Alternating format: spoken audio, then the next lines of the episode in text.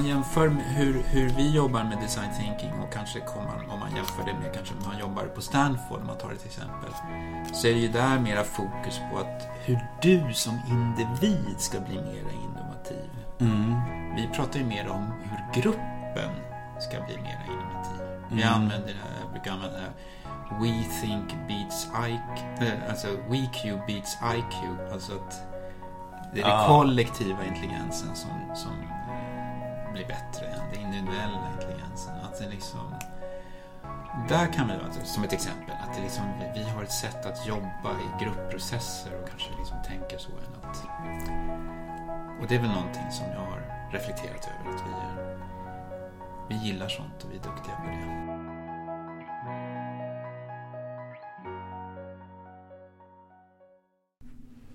Hej och välkommen till Sonderpodden om framtidens organisationer och ledarskap.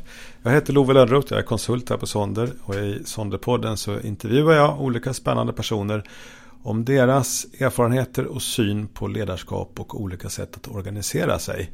Inte minst utifrån självorganisering och nya sätt att jobba för att bli mer innovativa och klara av komplexa utmaningar. Och idag så samtalar jag med Ivar Björkman från Open Lab. Ivar är en otroligt spännande person som började en gång i tiden som organisationsforskare och så småningom så blev han rektor för Konstfack och numera så driver han Open Lab i Stockholm som jobbar med utmaningsdriven innovation. Att använda något som kallas för design thinking för att lösa stora samhällsutmaningar.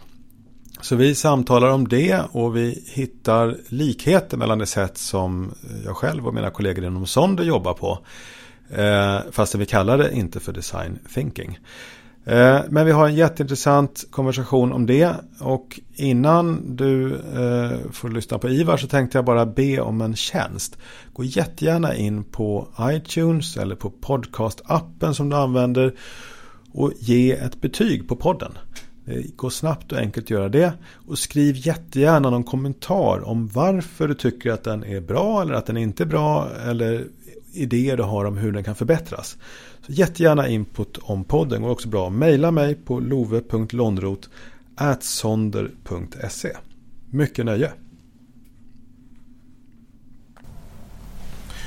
Sådär ja. Mm. Hej Ivar. Hej! Välkommen. Tack Love. Till Sonderpodden. Tackar, tackar. Ja. Kul att vara här. ja, eh, och jag upptäckte det genom en annan podcast ska jag säga. Ja. Jag lyssnade på en som RISE har som heter Spinovation. Just det. Jag tyckte att det var intressant det här med design thinking som vi pratade om i den podden. Och lite vad ni håller på med på Open Lab Stockholm. Ja. Så jag tänker att vi kan väl öppna med att du berättar lite grann vem du är och vad Open Lab är för någonting till att börja med. För att om jag tar i korthet, jag ser ju kopplingar mellan design thinking som du jobbar med och eh, management consulting som jag själv jobbar med. Det är särskilt sånt som vi jobbar med på Sonder som är mycket eh, nya idéer kring hur man kan skapa mer innovativa organisationer och tänka på lite nya sätt. Eh, och, så det är det som jag vill liksom landa i. Men jag tänker om du börjar med att berätta lite grann om, om dig själv och, och er verksamhet. Just det. Nej, men jag är ju eh, så att säga, verksamhetschef för Open Lab och har varit det. Verksamheten har ju funnits i sju år nu. Och innan dess så var jag rektor på Konstfack i nio år och har en bakgrund eh, också som forskare inom organisation och lite grann kopplat till ledarskapsforskning. Eh, så jag disputerade en gång i tiden 98 på just sådana frågor. Och jag har väl haft ett intresse sen lång tid tillbaka kring just organisationskultur i organisation, organisationskulturfrågor.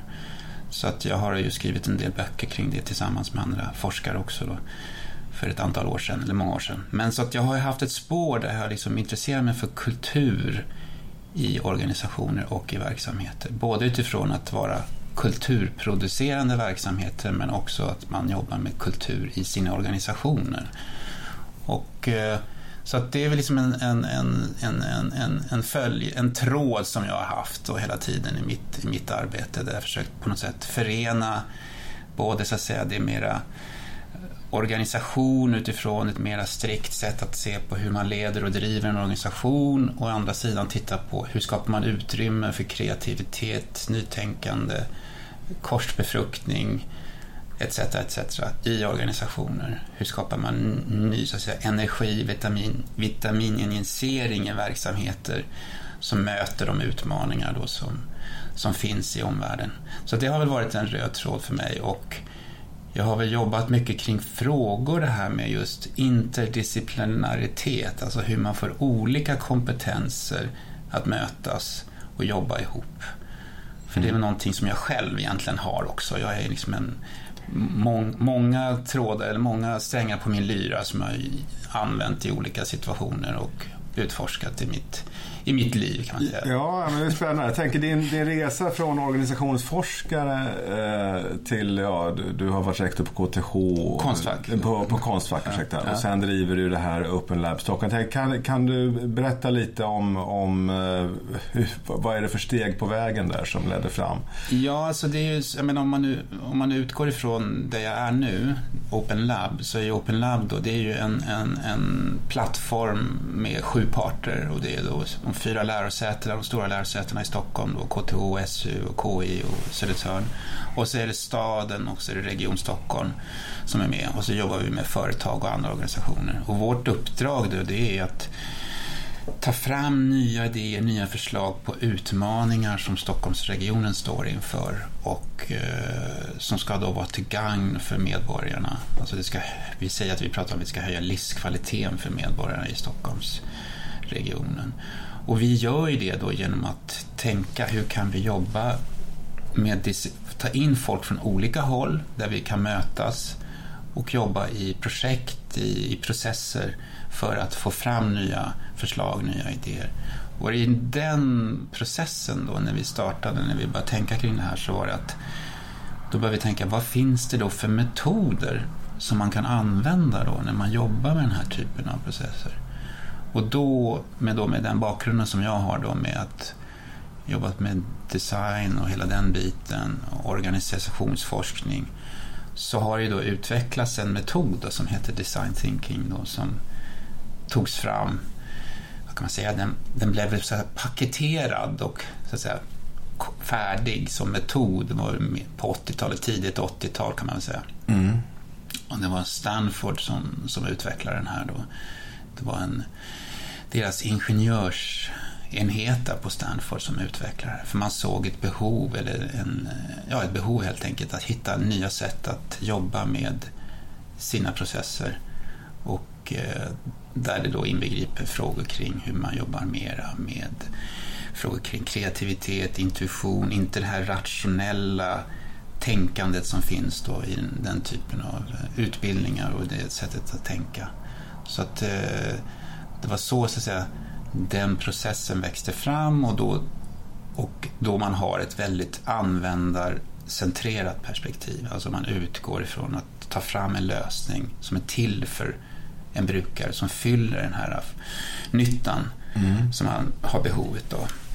Så att det är väl liksom en, och, och då är det så att designmetodik, alltså hur en designer brukar jobba, den passar väldigt väl in i det här sättet då att, att tänka. Så det var så man började ta fram det här att kan man använda den här metodiken på sådana som inte är designers? Alltså hur kan man få andra människor att börja tänka så här mm. än bara designers? Mm.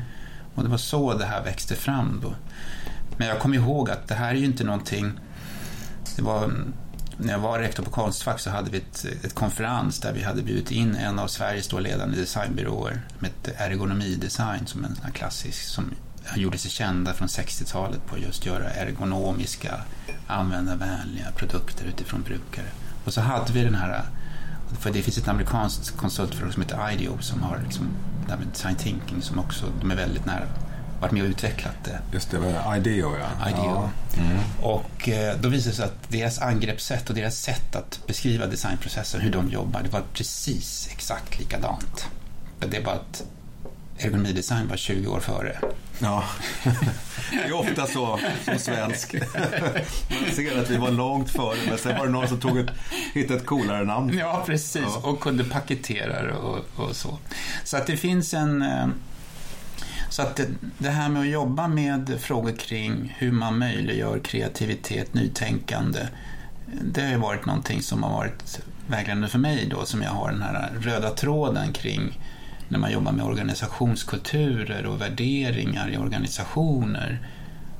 Eh, och hur man då får ja, helt enkelt skapa ett utrymme för den typen av processer för att få organisationer att utvecklas och, och uppmuntra till nytänkande och nya sätt att jobba. Så mm. det är väl mm. liksom den tråden som jag har haft i de här processerna då som, som eh, där då Design thinking är en metod. Det finns ju många metoder förstås som mm. man kan mm, jobba med det här. Men design thinking har blivit en metod som har fått ganska stort genomslag i olika sammanhang hur man kan använda då Ja, verkligen. Men det, man, man, ser ju allt oftare tycker jag.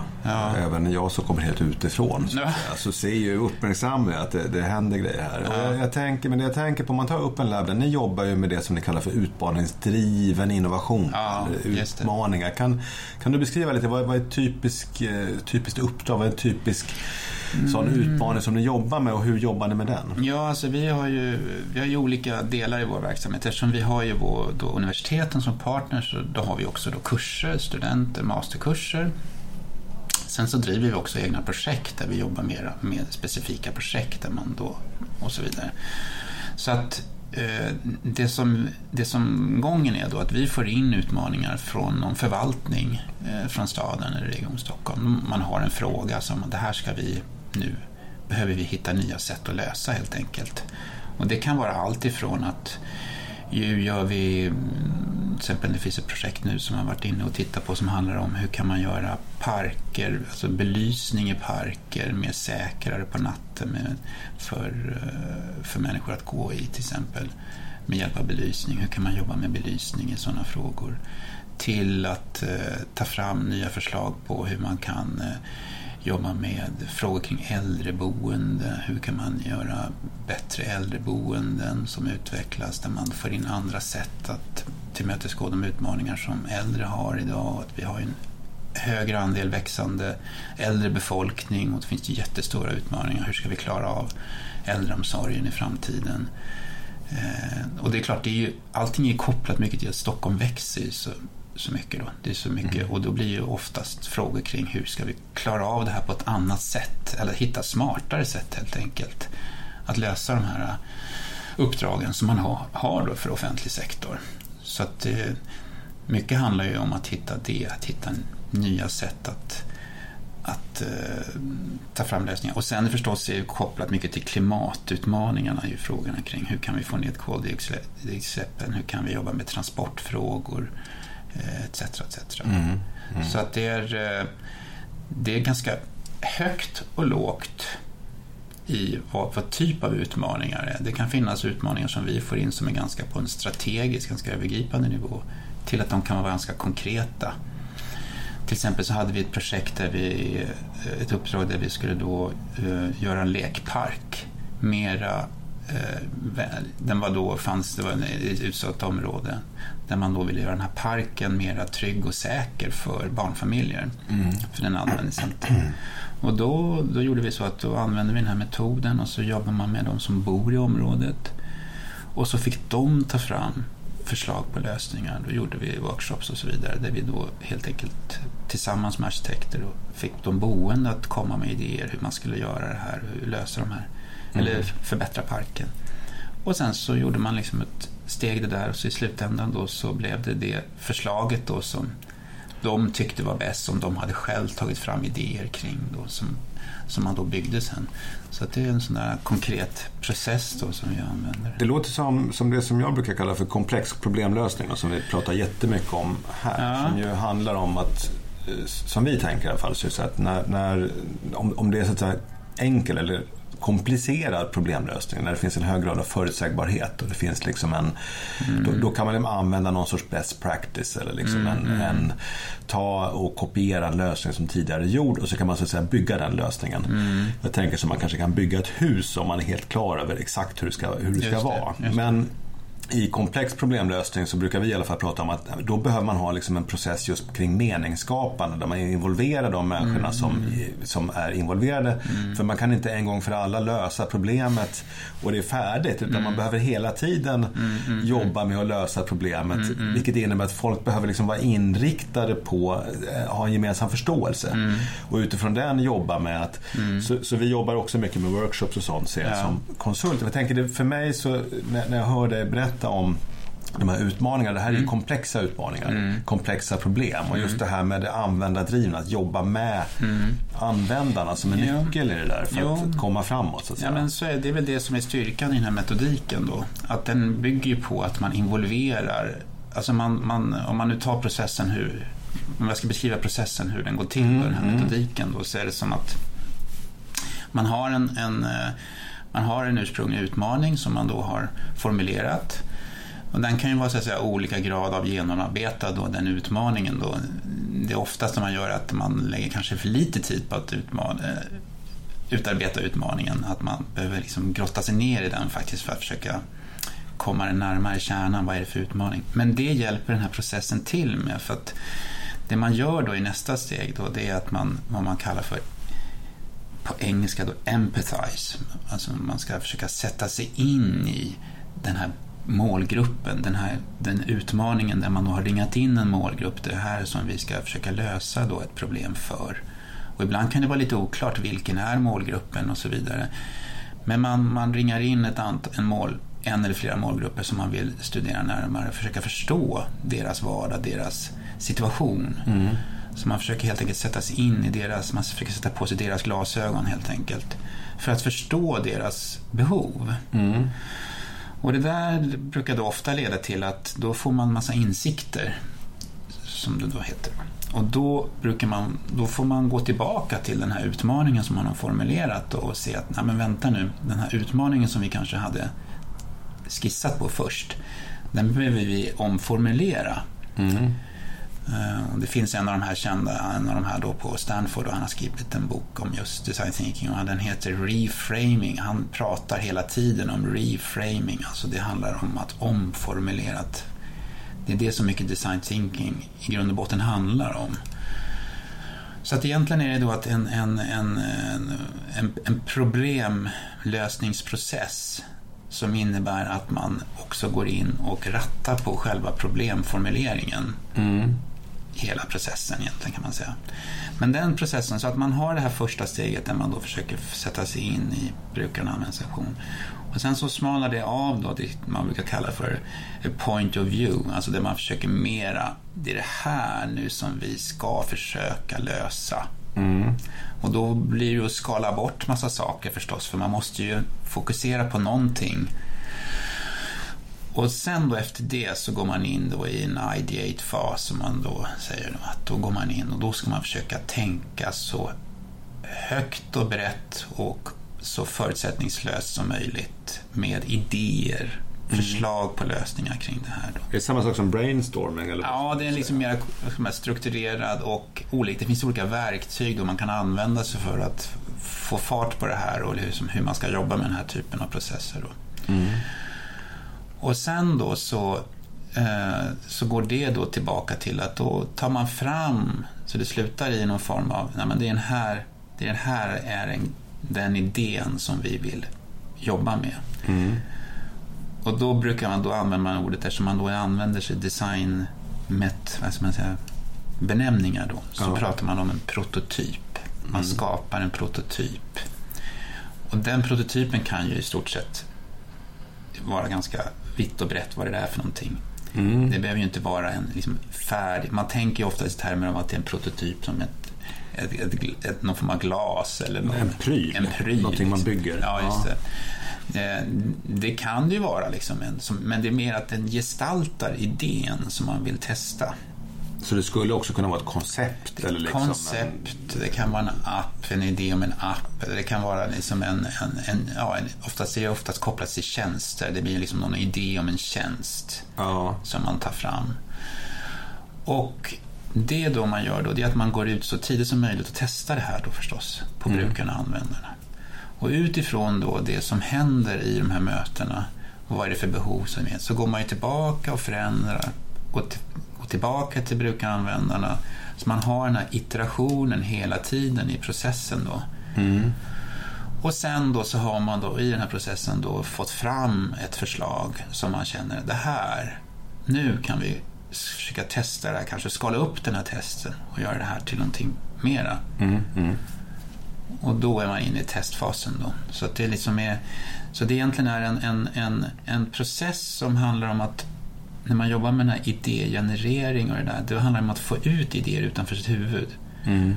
Och det är där det mycket handlar om att man jobbar med visuellt, så man använder mycket visuella verktyg då för att få ut de där idéerna. Och det finns inget sätt som säger ett bra eller dåligt sätt att visualisera. Man behöver inte vara någon duktig tecknare eller någon på skissar. Det, det är bara att få ut idéerna. Liksom att det, Ja, ja. Så det är, det är liksom en...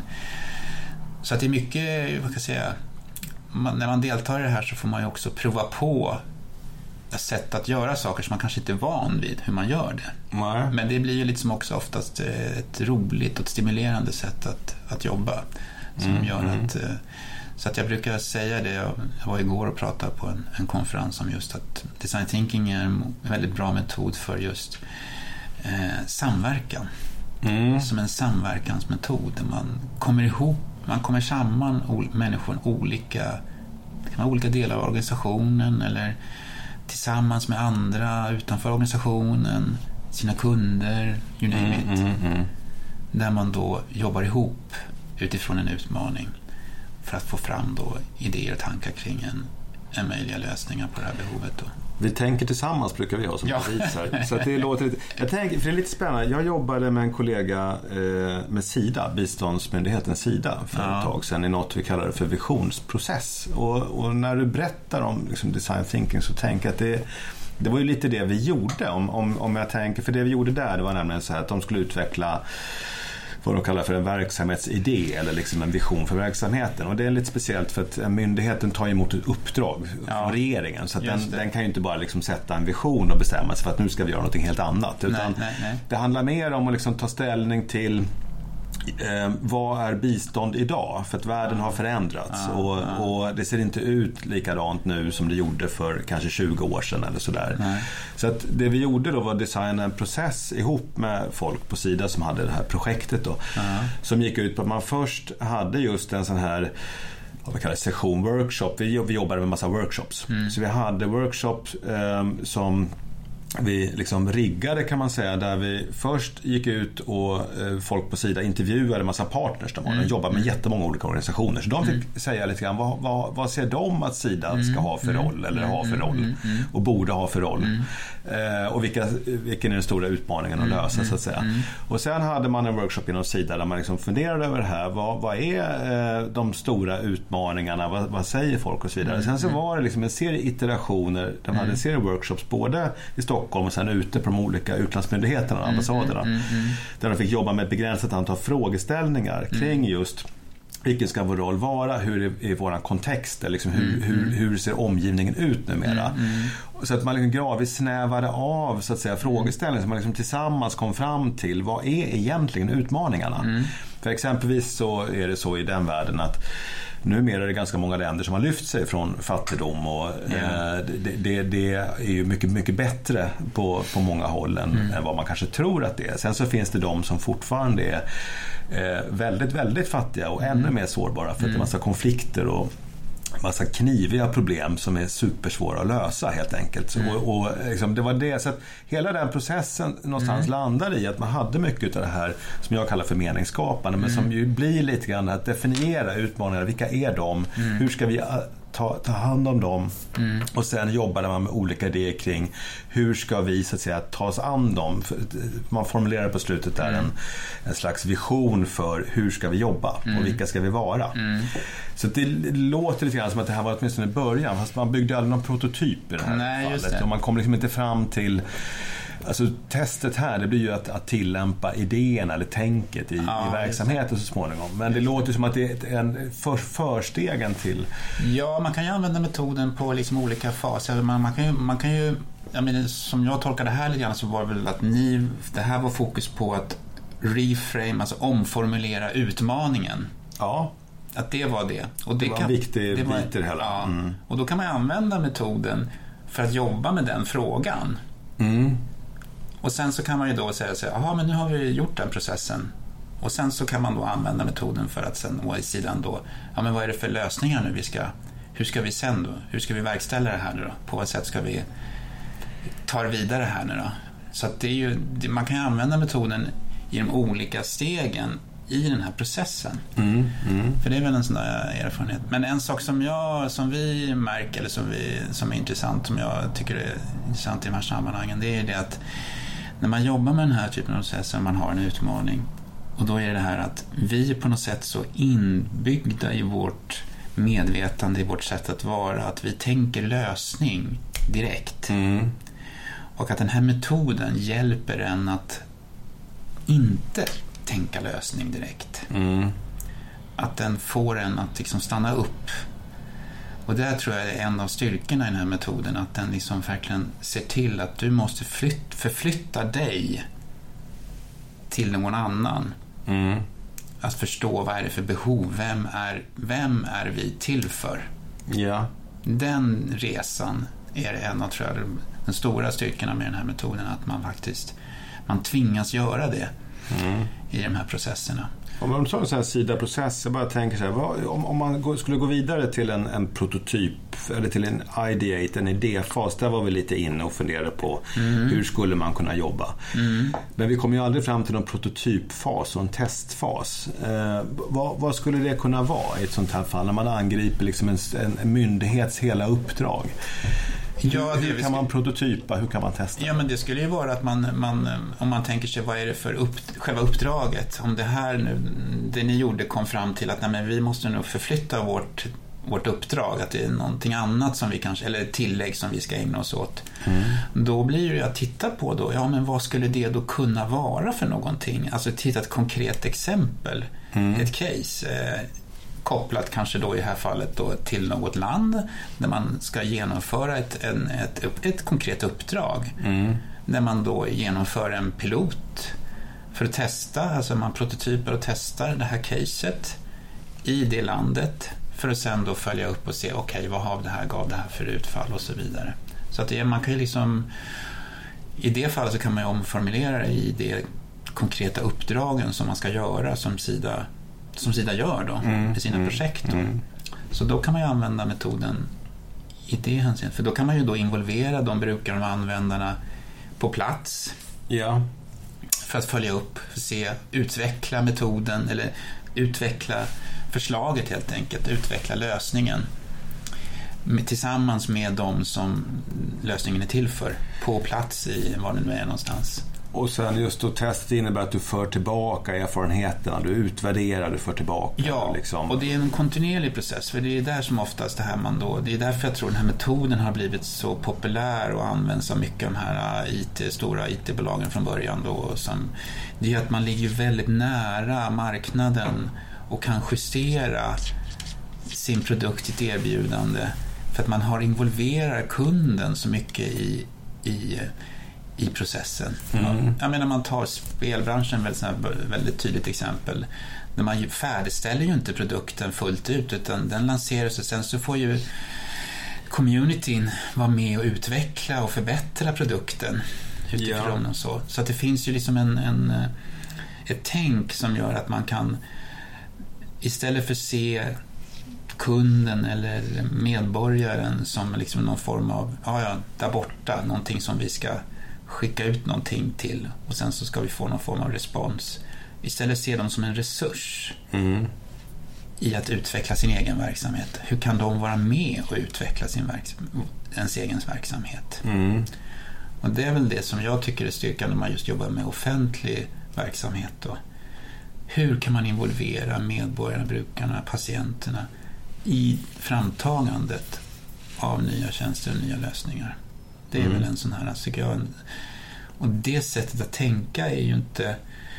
Det börjar ju mer och mer få fotfäste. Att man måste börja tänka på det sättet. Att det, men det tror jag är en resa kvar för många att göra. Att hur, mm, mm. Om man nu tar ja, i, i offentlig sektor, stadsbyggnadsprocesser, så är det ju liksom, då är det mycket kopplat till att man tar fram ett förslag och sen så får medborgarna komma på sådana här träffar och ge sina synpunkter. Mm. Antingen överklaga eller ge sina synpunkter. Istället för då att säga, ja, men låt oss göra det här tillsammans. Mm. Vad är det här nu ska bli för någonting?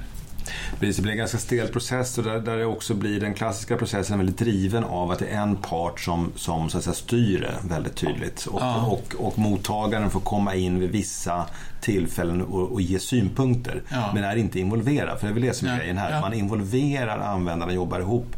Och det tänker jag, liksom, är det, är det säg, offentlig service som man utvecklar så är produkten aldrig färdig utan på något vis är det som att man hela tiden samskapar och utvecklar. Eller om det är den här typen av spel och andra digitala tjänster som, som du säger, man, man behöver skapa ett slags användarcommunity där man hela tiden vidareutvecklar.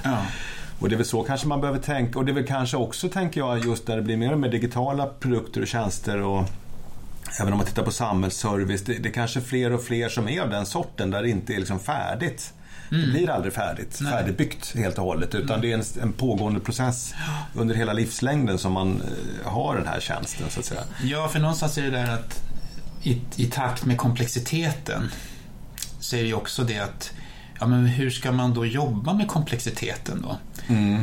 Och jag menar den här äh, övertron på att man ska ta fram den ultimata lösningen som löser all komplexitet. Alltså det är liksom någon form av helhetssystemlösning. Det är ju liksom en, en illusion. Så att det liksom är ju någonstans i att det, eftersom det händer så mycket hela tiden så måste man ju vara inne där i processen och jobba med det här konstant. För annars så blir det, ju- annars så blir det som att det är ju det som är styrkan så jag ser den här metoden att för om man tänker sig en, en, hur en teknisk innovation brukar gå till att man tar fram en teknisk lösning och så försöker man hitta användningsområden på den här tekniska lösningen. Och det här kan ju då ta ett antal år innan det här blir någonting. Men då kan ju omvärlden ha förändrats. Det kan ju vara någonting som har hänt eller gjort så att det har kommit några andra som har kommit med någon annan teknisk lösning som är mycket bättre och så vidare. och så vidare. Medan den här processen då, den är ju då mer utifrån, ja men vad är det för behov, vad är det för någonting som efterfrågas, vad är det för vad man för behov? Och så försöker man jobba med innovation utifrån det. Så att det blir som ett annat angreppssätt som gör att man är inne i marknaden eller tillsammans med, med brukarna och användarna och jobbar med lösningar konstant, som du säger. Och, och det är väl lite det, just det här att, att, att skicka eh, utförandet, om man säger makten, också så nära kunden som möjligt. Det vill säga Ja. att, att samskapa med kunden. För det jag tänker är ju att det typiska som man hamnar i i organisationer Ja. är ju att det blir rätt mycket styrt så att säga uppifrån. Utifrån den hierarki man har Ja. utifrån, är det en myndighet så är det helt klart så att där har du ju en, en det är en politiskt styrd organisation. Så att där ska ju allting tillbaka till så att säga i slutändan medborgarna.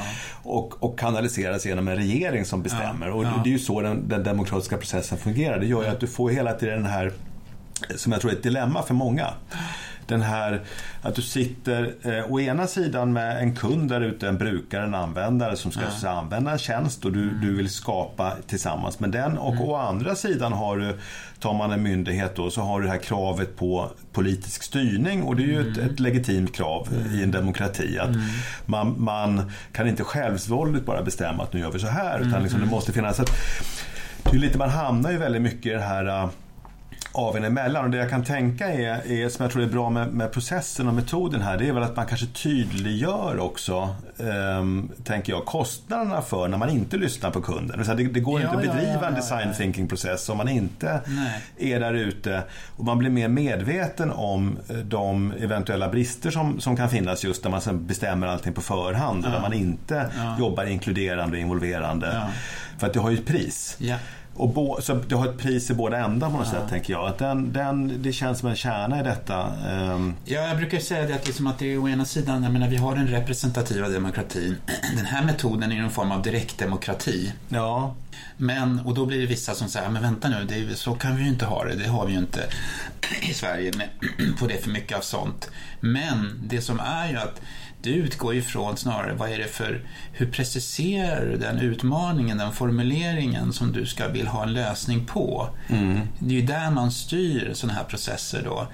För jag menar, det man vinner på att få in medborgarna eller brukarna, användarna i den här processen, det är ju en delaktighet. Jag menar den här parken som, som de eh, byggde nu då, på den invigningen som de hade då med den politiska ledningen där, så, så många besökare på den invigningen de aldrig haft förut. Mm.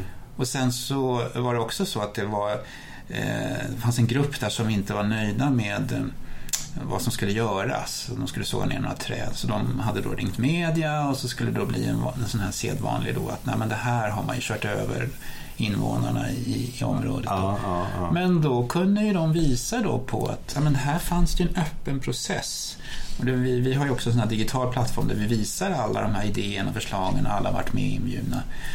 Så då blev det ju en omvänd mediebevakning av det där då. Att ja, men titta, här har man ju varit transparent och bjudit in alla att få vara med och tycka till Mm. i, i hur den här parken skulle utformas. Så man, man bjuder in de som berörs, för jag tänker det är en viktig aspekt i det här. Ja, ja, Brukarna, de, intressenterna, ja, de som kunderna. är närmast och Ja. använder det här ska använda den här parken då, exempelvis. Så det tycker jag är ett bra exempel på hur, man, hur, hur en sån här process kan fylla ett gott syfte på olika sätt. Ja, nej, men jag tänker just att, att, det, nej, men det är intressant ehm, eh, som exempel. Och, och ni jobbar med samhällsutmaningar mycket så att säga. Det är ju samhällsfrågor, samhällsutmaningar. Vi jobbar ju mycket med så här företag och organisationer som har sina utmaningar och organisationer. Det som har varit en, en trend i flera år nu, en anledning till att, att jag ville ha dig på den här podden också, det var ju att jag har ju sett att de stora managementkonsultfirmorna de köper ju upp designbyråer och har gjort det i flera år. Och, och min eh, alltså, hypotes om det där har ju varit att ja, men det är för att Apple är så framgångsrika. Och man har sett att design har så stor betydelse för ekonomin. Och då är det intressant. Så då köper man upp sådana här filmer så att säga. Men, men ehm, jag tänker att det, det finns kanske något större som är lite det här skiftet mot att bli mer innovativ, jobba på ett annat sätt. För traditionellt som managementkonsult jobbar man ju väldigt mycket eh, åt eh, makten om man säger så. så Man jobbar åt en företagsledning eller en, en organisationsledning och så bestämmer man så här ska vi göra. Sen så går man in och implementerar en lösning. Inte så mycket kanske i samråd med dem det berör utan mer att så här har vi bestämt att det ska vara. Alltså om jag tar en nidbild nu så att säga. Så jobbar ju inte vi till exempel. Och naturligtvis våra duktiga branschkollegor jag har ju tänkt längre än så. Men Ja. jag tänker att det det, det finns, för det, jag tycker det är lite spännande om, om, om man funderar, för du har ju en bakgrund inom både organisationsforskning och inom liksom design. Om man tittar framåt, om man tittar på den här typen av tjänster där man ska hjälpa verksamhet att utveckla sin verksamhet mot kunderna och så vidare. Vad, vad, vad, vad kan man se framåt? att vad, vad blir den ultimata fusionen av eh, liksom, ett, ett managementtänkande, organisationsförståelse och designtänkande? Alltså jag tror det handlar mycket om, om transparens. Alltså att det, är, finns en... en eh, för jag menar, om man nu tar det här med just uppköpandet av de här typerna av byråer så tror jag det kanske det finns två, två aspekter av det. Ena handlar om att eh, man vill komma, få mera fatt på det här med innovationsprocesser. Hur jobbar man med inno- innovationsprocesser? Det är någonting som blir mer och mer viktigare för verksamheter oavsett var det är någonstans. Och då de här byråerna, de har ett tänk de, som är väldigt bra för just att jobba med innovationsprocesser. Sen finns det den andra aspekten och det är ju mer det här att hur man kommer närmare kunden, hur man kommer närmare användaren, brukaren. De har ett sånt tänk, de här byråerna, hur man ska ta fram förslag på lösningar som ligger nära då kundens behov och marknadens behov. Så det finns ett tänk på de här byråerna då som, som, som man då ser ett behov av att det här måste vi få in mera i våra organisationer. Att börja jobba med den här typen av processer. För jag menar, är man ett stort företag som har funnits väldigt länge och det är många nivåer i de här organisationerna, då är klart, då finns det ju en tendens att man kommer längre och längre ifrån vem är vi till för? Vad, är det vi ska, vad är det vi ska göra för någonting? Vad är, det vi ska, vad är, vårt, vad är vårt uppdrag? Och då kan de här typerna av verksamheter hjälpa till i att korta eller få fart på den processen helt enkelt. Så att man Så det, det är väl tror jag en sån här viktig, viktig aspekt av varför man, har, varför man köper upp de här typen av, av, av byråer och verksamheter. Men det finns ju en, hela tiden en fara i sådana här processer. Det är att, att den blir någonstans inhouse. Alltså att det, för man tar det här med innovation. Mm. Att det liksom det finns ju, det själva den här att man har den här befinner sig utanför sin egen organisation. Alltså att vara den här platten, plattformen där man ligger nära vad som händer där ute. Ja.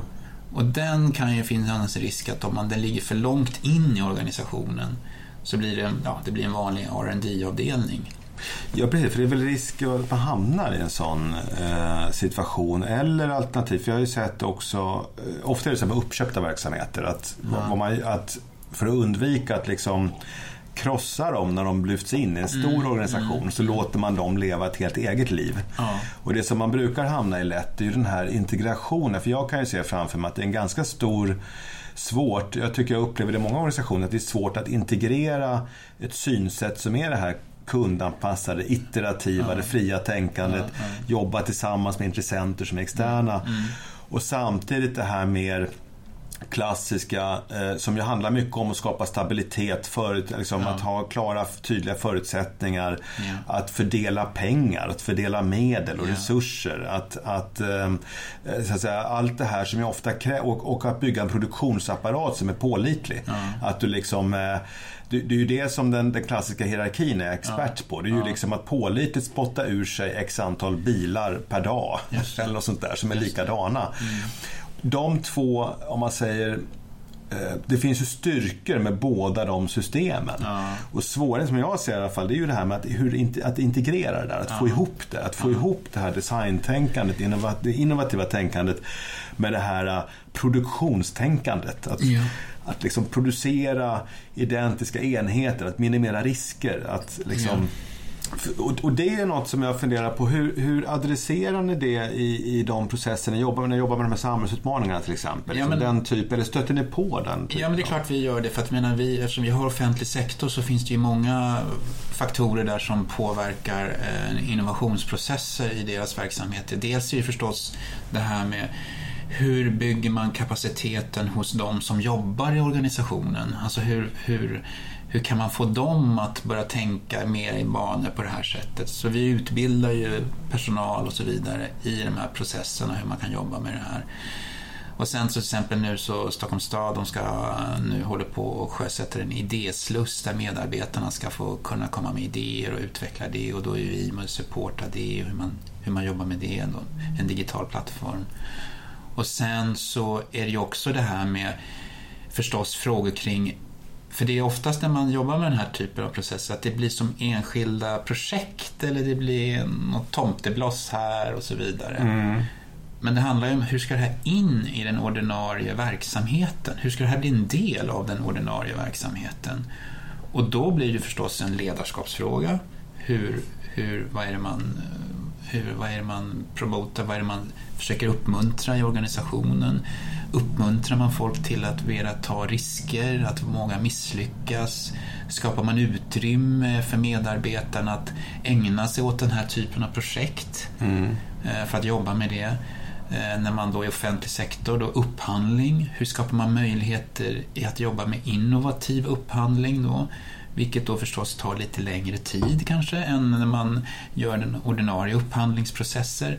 Men det måste man ju skapa utrymme då för i organisationerna. För det är ju saker som lönar sig på lång sikt. Men mm. kanske inte just nu i det första, första skedet. Så det är ju det är många olika delar som man måste... Men jag tror att ledarskapet är en väldigt, väldigt avgörande faktor. Hur man, hur man uppmuntrar vad har man i sina medarbetarsamtal och vad är det man tar fram för någonting. Har man, hur efterlevs den här innovationsstrategin som man har tagit fram? Hur, hur kommuniceras den? Hur, hur förankras den i verksamheten? Hur skapar man möjligheter att jobba på tvärsen? Mm. Frångå de här siloserna som, som förstås är i det. I alla fall i offentlig verksamhet, en, det är en väldigt in, in, inrotad tradition att organisera sig på det sättet. Hur...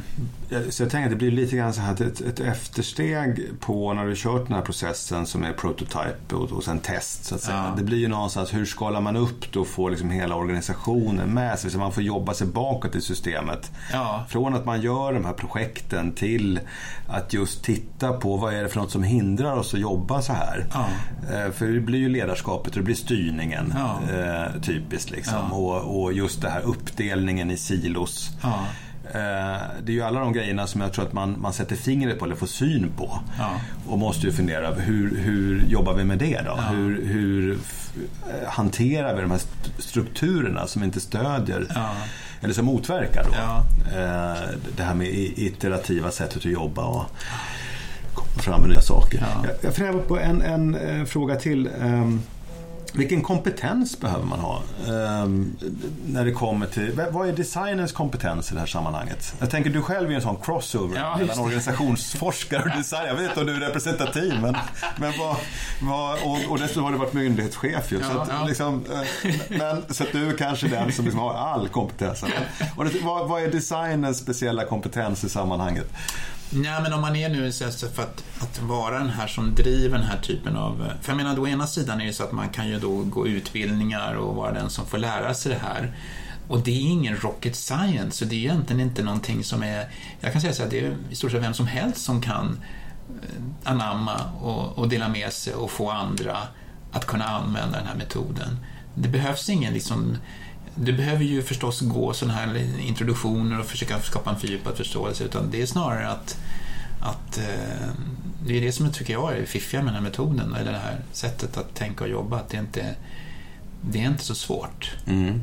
Så att det är inte det är inga stora kliv som behövs göras utan, eh, utan det är väl snarare att hitta hur man organiserar det i sin i sin verksamhet. Hur får man in det i sin verksamhet? Mm. Det tror jag är den stora utmaningen. För då, och då handlar det ju om att ja, vi kanske behöver organisera oss om oss här på något sätt i vår verksamhet. Mm. Hur lägger vi upp våra möten? Hur lägger vi upp våra projekt? Hur jobbar vi med våra projekt? Hur får vi in det här sättet att jobba i vår verksamhet? Mm. Och där tror jag det behövs en del vägledning och, och, stöd och hjälp kring hur man gör det. För, att, för det märker ju vi att vi utbildar folk i det här och blir man, åh men visst det här. Och så ja, går man tillbaka sin vardag. Men vänta nu, hur ska jag nu använda det här? Hur ska jag få med min chef i det här? Ja var sättet att jobba och så vidare. Men får ni, har ni, jag tänker, du har, har du med som, som partners i det här uh, Open mm. Lab här. Mm. Eh, Stockholms stad är en ja. jätteorganisation, ja. eller massa organisationer ja, kan man säga. Och, och, Region Stockholm och de här stora drakarna. Så har, har ni, får ni den frågan, så att säga, så har, eller har man börjat hantera det på allvar? Hur, hur hur, hur kan vi skala upp det här och göra det till en del av vårt, vårt system, vårt sätt att fungera? Ja, de är ju på gång alltså. Det, det finns ju mer, jag var nu här för några veckor sedan på en stor dragning de hade för hela ledningen och då pratade de om innovation och att liksom högsta ledningen sa att nu måste vi börja, måste börja tänka så här, jobba på det här sättet. Och, och det finns vissa förvaltningar som är duktiga på det här där man verkligen försöker anamma det här sättet och, och stadsdelsnämnder och sådär som jobbar med de här frågorna som man då lyfter fram. Det här är goda exempel på. Men det är kopplat till ledarskapet. Ja, det är ja, det det ja. det är. Liksom, där finns det en chef som väldigt jobbar med de här frågorna och tycker att det här är, är bra. Precis, det blir ofta där man landar. Ja. Ledarskapet. så är det. Hur, hur är ni? Ja. Men det är också en form av det här med ledarskapets roll också. Hur man ser på sig själv som ledare och ledarskapets roll. Det tycker jag är intressant i de här sammanhangen. Mm. Att det liksom är också, när man jobbar med den här typen av processer så förändrar ju också ledarskapet. Oh ja. Mm. Alltså, vad är det för typ av ledarskap som krävs mm. i den här typen av sätt att jobba? Det, kan, alltså vi, det, det har jag inte sagt kanske, vi på Sonder vi, vi bedriver det vi kallar för självledarskap. Det vill säga ja. vi, vi har inga chefer och ingen ledningsgrupp utan vi har ju en process som vi jobbar med, en beslutsprocess. Ja. Och ett sätt att jobba som handlar om att, att, att jobba väldigt strukturerat mm. med beslut. Mm. För att man, man måste ersätta personen, ledaren, Mm. i ett sånt system med en process istället. En metod om man säger så. Eh, som ju inte är så olik heller, tänker jag, det här tänkandet kring design thinking. För det handlar ju väldigt mycket om att testa idéer tillsammans kunna liksom eh, ta en, en inriktning som man beslutar sig om utifrån test. Eh, och, och, och jobba rätt så, om man säger datadrivet. Eller liksom jobba ganska, jag vet att det är många digitala filmer som är inne på samma spår. Man liksom jobbar. Jag tror att det blir ju en konsekvens att man utmanar ju idén om, om ledarskap lika med chefen. Ja. Ledarskapet blir distribuerat på ett annat sätt. Ja. Det är lite där man landar. Att, eh, tror jag, om, om man ska ha en innovativ process. Ehm, och, och det är väl det som, som i slutändan blir kanske just som du säger, det blir en stor utmaning för många det här att man, man utmanar så lite grunden, det som upplevs som fundamentet i Ja, organisationen. ja. ja, absolut det är så. Eh, när, man, när man jobbar med, med, med den här typen av processer och frågor så att säga. Ja. ja, men det är det. Det är det som blir liksom konsekvensen när man anammar sånt här arbetssätt. Att det, Mm. det, det förändrar. Och jag tycker väl det som du säger, som beskriver som ni gör här. Det låter ju som väldigt likt, alltså sättet var, hur det påverkar ledarskapet Ja. när man jobbar med den här typen av Ja. processer. Så det tycker jag låter... Och det är klart, i offentliga organisationer där det liksom finns en annan beslutsordning och det, det är ju en utmaning då. Hur ska det här in i den typen av verksamheter? Mm. Vad är möjligt? Vad- Mm. Vad kan man Mm. göra? Mm. För det finns ju en lagstiftning och det finns en organisation, besluts... Ja, men alla dessa nämnder, menar, det är ju Mm det är ju inte fritt att bestämma som det kanske kan vara i det privata näringslivet hur vi, hur vi väljer att organisera oss. Nej. Vi ska börja runda, Ja. av, runda av podden med en, en sista fråga bara ehm, som jag är lite nyfiken på. Det är, så här, är, vi, är vi duktiga på det här i Sverige? Jag tänker, du jobbar med Open Lab. Jag föreställer mig att det Ja. finns fler som jobbar med det. Och du sa att den här svenska firman, eh, sa jag, ergonomidesign, Mm. Ja, liksom 20 år före de här Ja. Ideo som lyfts fram som förebilder. är, är, det- är det här någonting vi, vi, för ofta säger man att vi inte är så hierarkiska, att vi är ganska platta och duktiga på teamarbete och så här. Är, är, design thinking, kan du säga att det här är någonting vi ligger långt fram? Är det liksom en, nå- någonting som vi är duktiga på just här? Eller, eller finns det andra som är klart framstående? Ja, man kan säga så här, om man jämför med hur, hur vi jobbar med design thinking och kanske kommer, om man jämför det med kanske om man jobbar på Stanford, om man tar det till exempel, så är det ju där mera fokus på att hur du som individ ska bli mera innovativ.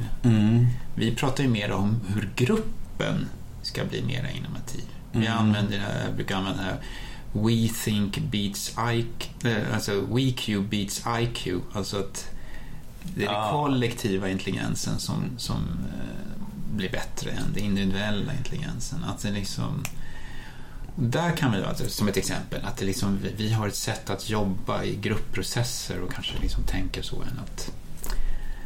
Och det är väl någonting som jag har reflekterat över, att vi är vi gillar sånt och vi är duktiga på det.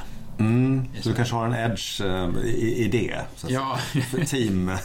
ja men någonstans Ja. grupp, gruppprocesser och grupp... Ja. För det är ju det också som är i de här typen av processer, att det är ju ingenting som är att den här idén äger jag. Nej, Utan det är ju en idé som man äger tillsammans, man utvecklar tillsammans. precis. Man måste släppa lite egot Ja, egentligen. det det om, det. om man ska komma hela vägen så behöver man Ja. släppa sitt eget ego Ja. och kunna så att säga mer se värdet i, Ja. i gruppen. Ja. Och kill your own darlings, är liksom min idé är bäst. Nej, men din... Ja, för det pratas vi med hela tiden kan jag säga. Ja, det, det är så här, det är hela tiden. Så att det är jobbigt om man har stort ego att komma in. Ja, ja spännande. Men du, jättetack Ivar. Jag tycker Ja. det var jättekul att få höra om det här. Jag tror att det är många av våra, våra kära lyssnare som också skulle ha glädje av att, titta på den här metoden. Ja. Och Open Lab Stockholm hittar man på nätet. eh, Så man kan titta lite grann hur ni jobbar. Och Absolut. Det finns väl massa att läsa. Jag läste själv lite grann. Det finns Ja. massa på nätet. Ja, ja, ja. förstås. ja. Kan gå Och- kurser hos oss och. Och gå kurser Ja. också. Ja. Så tack ska du ha. Ja, tack, tack.